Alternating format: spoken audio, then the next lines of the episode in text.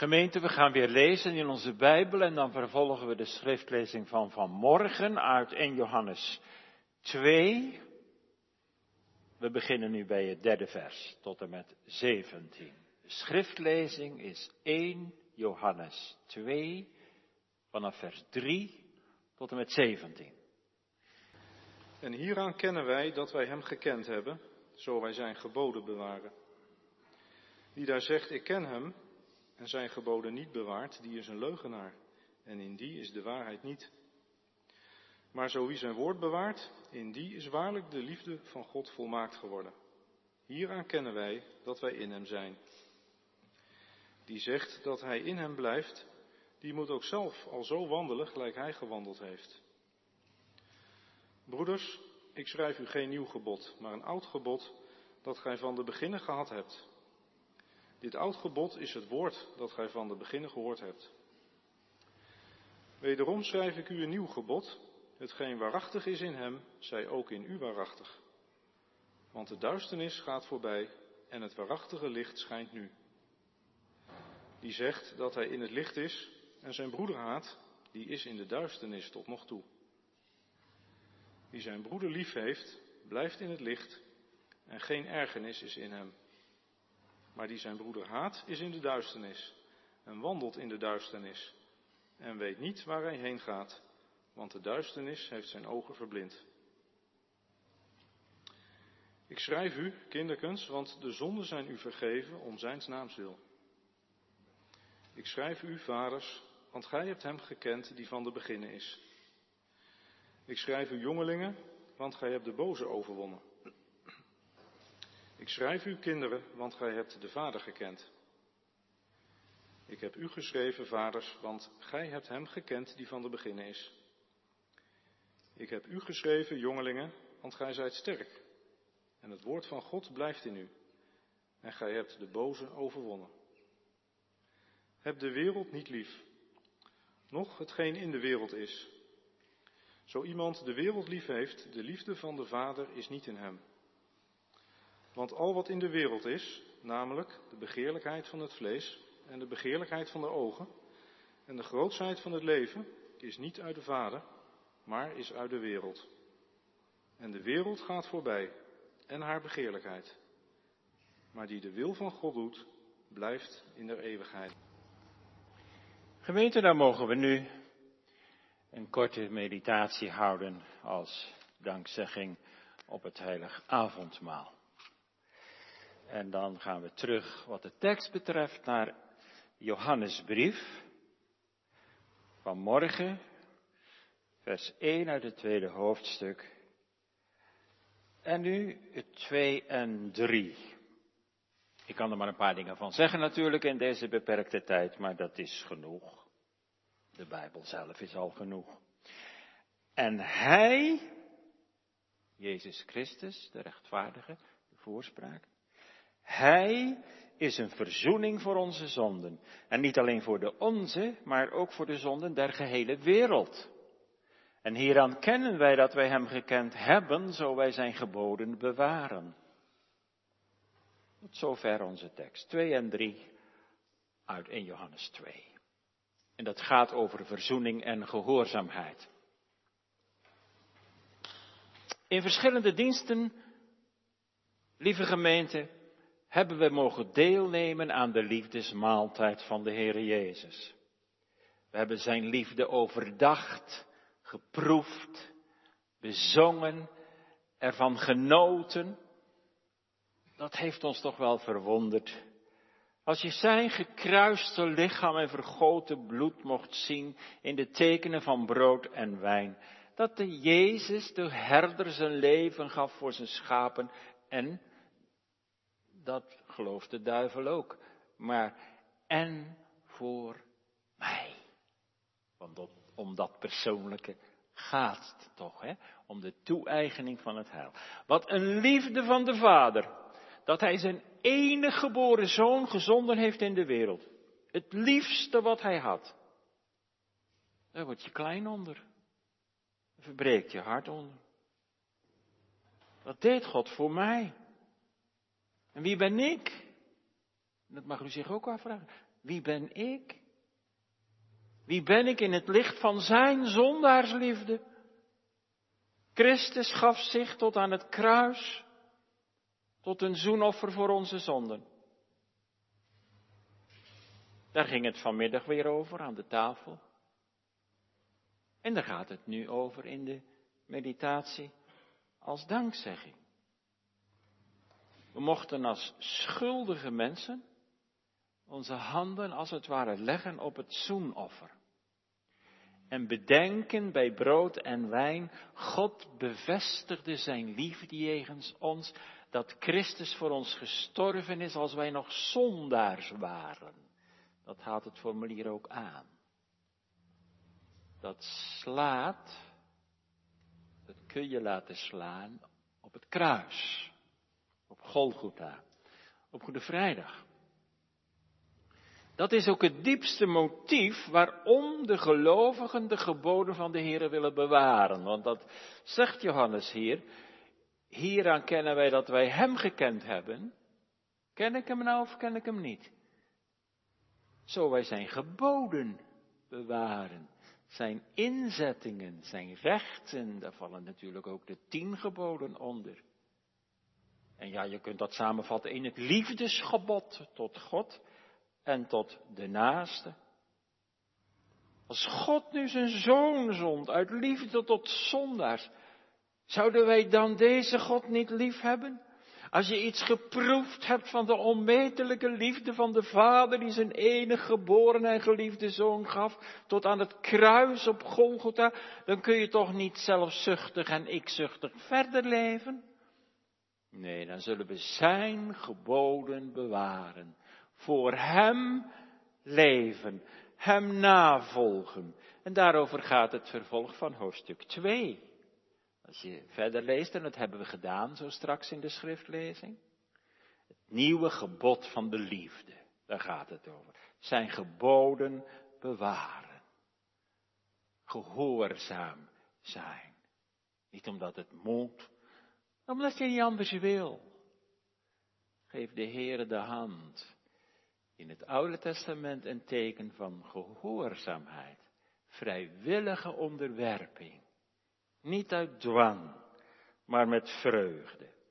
Zijn woord bewaren, zegt Johannes ook in het vervolg van onze tekst. Zijn woord bewaren. In hem blijven. Wandelen zoals hij gewandeld heeft. Nou, moet je veel op hem naar hem kijken. Veel op hem zien, anders weet je niet hoe je wandelen moet. De broeders en zusters lief hebben. Staat allemaal na onze tekst in dat hoofdstuk.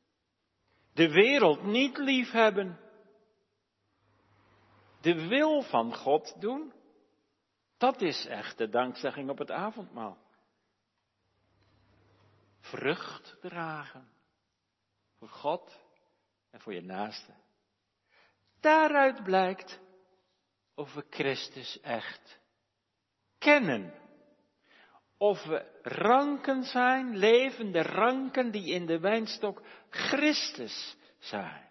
En dat staat ook in vers 3. Hieraan kennen wij dat wij Hem gekend hebben, zo wij Zijn geboden bewaren. Het woordje kennen betekent hier onderkennen gaat niet over verstandelijk inzicht of over geheime mystieke kennis, maar vooral over de persoonlijke ervaring van de liefde van God. Als je God kent en zijn liefde, dan is dat niet maar een stukje theorie in je leven. Dan is dat praktijk, dan is dat ervaringskennis. Je wordt er helemaal van doortrokken. Het is relationele kennis. Je kent hem door relatie. Je kan ook zeggen, het is de bevindelijke ervaring met heel je hart. Het is de kennis van het levende geloof. De ervaring van Gods liefde en de toepassing van het werk van de Heer Jezus. Door het geloof, door de Heilige Geest gewerkt in ons hart. Paulus schrijft in Romeinen 8, de Geest getuigt met onze geest dat we kinderen van God zijn. De Heilige Geest getuigt in je hart dat het bloed van Christus ook voor jou is gestort. En dat het uw hart reinigt van de zonde en vernieuwt. Dat wil de Heilige Geest ook doen tijdens het Heilige Avondmaal en in verband met, zeg maar rondom het Heilige Avondmaal. Je strekt je hand uit, je brengt het brood in de mond, je zegt in je hart dank u Heere, je raakt ontroerd misschien, je weet, God schenkt het mij uit eeuwige zondaarsliefde. En dan kun je niet anders meer dan geloven dat het echt voor jou is. En dat God u bedoelt. En dan vallen de hindernissen die er kunnen zijn door te zien op jezelf, die vallen weg. En je mag hartelijk geloven dat de Heere Jezus aan het kruis voor je zonden gestorven is. En dan zeg je, ja, Johannes, ja. Hieraan kennen wij. Zo weten wij. Zo ervaren wij Gods eeuwige liefde en nabijheid. Wat hebben we nodig om daar steeds weer bij bepaald te worden? Dat dat ons voorgehouden wordt. We vergeten hem soms. We kunnen hem verlaten. Daarom moet de Heere Jezus zo groot en heerlijk geschilderd worden als onder ons gekruist zijnde. Nou, dat gebeurt bijna letterlijk aan de tafel van het heilige avondmaal. En dat stelt God telkens tegenwoordig als het avondmaal bediend wordt. Dan laat God zijn lam zien, waar het net over ging, dat onbestraffelijke, onbevlekt lam. Het lam van God, dat de zonde van de wereld wegneemt. En nu lezen we vers 2. En hij is een verzoening voor onze zonde. En niet alleen voor de onze, maar voor de zonde van de gehele wereld. In die kernwoorden, voorspraak, rechtvaardige, verzoening, klinkt eigenlijk het Oude Testament mee. Dat begrijpt u wel. Het Nieuwe Testament is niet te, niet te begrijpen zonder het Oude Testament. De hoge priesters, de priesters, de offers, zagen heen en zagen vooruit naar die ene algenoegzame hoge priester Jezus Christus, die het offer heeft gebracht. Hij is een verzoening voor onze zonden. Dat is het heilgeheim van de Bijbel.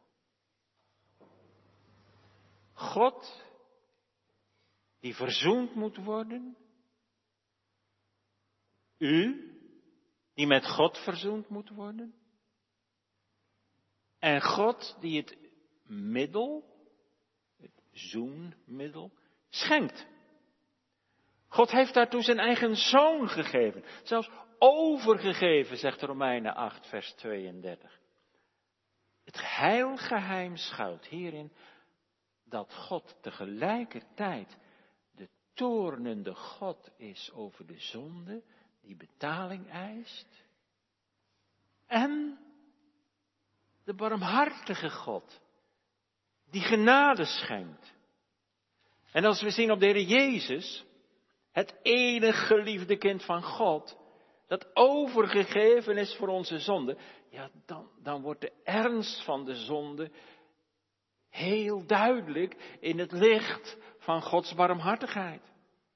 Hier kun je alleen maar stamelen. Hier word je klein, verbroken, roodmoedigd. Christus, de hoge priester, is achter het voorhangsel ingegaan tot God met zijn eigen bloed en heeft verzoening bereid voor allen die hem lief hebben. Lof zij het lam dat onze zonden op zich nam. Niet minder lof voor de Vader, Want hij was het immers die onze zonde al zag voordat wij ze zagen. Lof zij de Heilige Geest, die onze harten aanraakt en vervult met Gods liefde en verbreekt en verlegen maakt om het bloed van de Heere Jezus. Het gaat om de drie enige God in alles. God heeft onze zonde al lang gezien voordat wij ze zien, zei ik. Dat zegt Mozes in Psalm 90. Gij stelt onze ongerechtigheden voor u. Onze heimelijke zonden in het licht van uw aanschijn. En dan hebben wij ze misschien nog niet eens gezien. Maar daar zal de Heer ook voor zorgen. En voordat wij onze zonden zien en beleiden, heeft God al gezorgd voor een middel tot verzoening van de zonde. Waar vond de verzoening plaats? Ja, ik mag ook vragen, waar vindt de verzoening plaats? De verzoening vond plaats eens en voorgoed op Golgotha. Maar toen waren wij er nog niet. En toen hadden wij ook nog geen zonde gedaan. Dus de lijn gaat verder.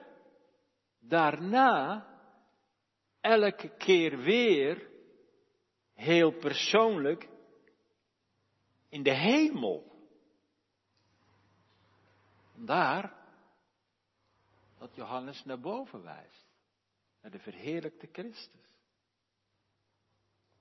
En dan denk je even, hè? Het is toch alleen een terugdenken aan Golgotha? Nee, nee, nee.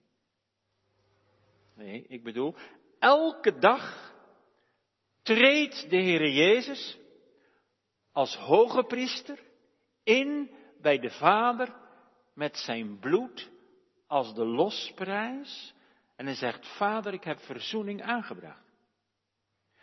Christus brengt boven in de hemel bij de Vader wat hij hier op aarde voor de zijnen heeft verworven. De eigenlijke verzoening van onze zonden, ook onze heel persoonlijke zonden, vindt niet plaats op aarde. In ons innerlijk. In ons zielenleven. Waardoor wij voortdurend moeten zoeken in onszelf en in onze gevoelens. En dan soms helemaal vastlopen. Maar de eigenlijke verzoening vindt plaats in de hemel, waar Christus als verzoener en voorspreker tot de heilige God gaat met het bloed van de verzoening dat hij gestort heeft op Golgotha. Daarom zegt Johannes, hij is een verzoening voor onze zonden. In het Grieks staat dat er helemaal gewoon bij. Dat is niet erbij verzonnen of zo, of het hoort niet bij de vertaling, maar het staat er letterlijk. Hij is onvoltooid tegenwoordige tijd. Dat is een vergezicht waar je stil van wordt, lieve mensen. Wij zijn zo aardsgericht. Zelfs als het gaat over de zonde en de verzoening ervan. En daarom zitten we zo vaak in een geestelijk slop en lopen we vast. Wij zoeken de verzoening op de verkeerde plaats. Wij zoeken de verzoening in onszelf. Maar de kerk van de Reformatie heeft het beter verstaan. En zegt tot allen die de verzoening zoeken in zichzelf en daarom zoveel onzekerheid en twijfel kennen. Hef uw harten opwaarts in de hemel, waar Jezus Christus is, onze voorspraak, aan de rechterhand van zijn hemelse Vader.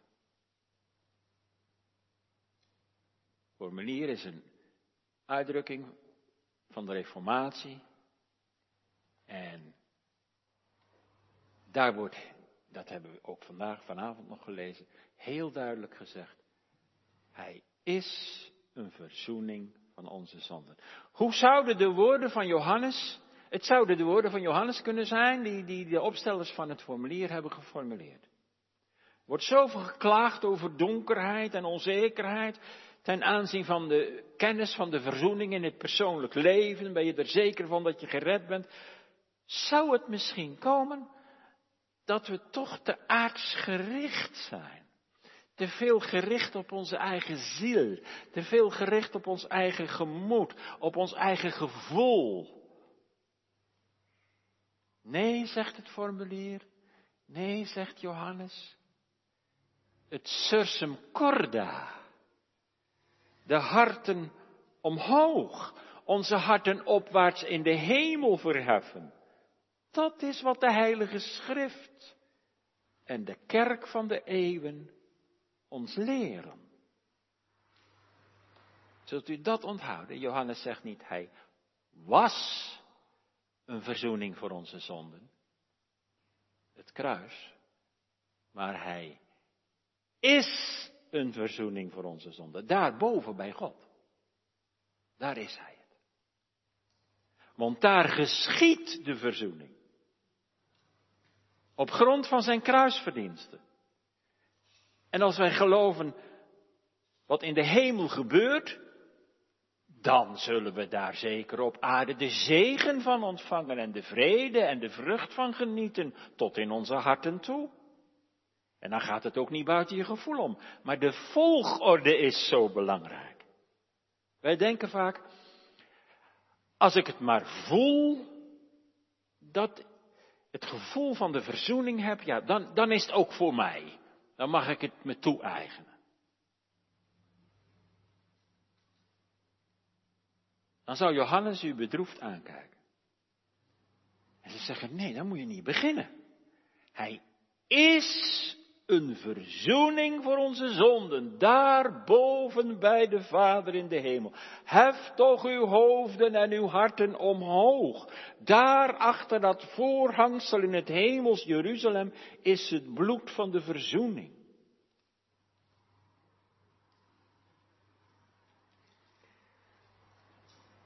U bleef toch niet zitten omdat u dacht dat uw zonden te veel en te zwaar zouden zijn voor Hem. Dat weten we. Gods liefde is groter dan onze zonden. Onze tekst is ruim genoeg, hè? Want er staat, en niet alleen voor de onze, maar voor de zonde van de gehele wereld. De verzoening van Christus op Golgotha verworven is de hemel ingedragen. En is meer dan voldoende voor allen en ieder uit de hele wereld die de toevlucht neemt tot Hem. Voor de zonde van de gehele wereld. Dat geeft de grootheid van de Heer en de heerlijkheid van de verzoening aan. De rijkdom van de genade. Echt, er is niemand die de toevlucht neemt tot Christus en die bang hoeft te zijn dat er voor hem of haar geen verzoening is. Zijn verdiensten zijn al genoegzaam. Gemeente, we sluiten af. Was u niet aan zijn tafel vanmorgen? Of vanmiddag? Of vanavond? Hebt u geen voorspraak? Geen verzoening? Geen kennis van God? Dan leeft u nog voor eigen rekening.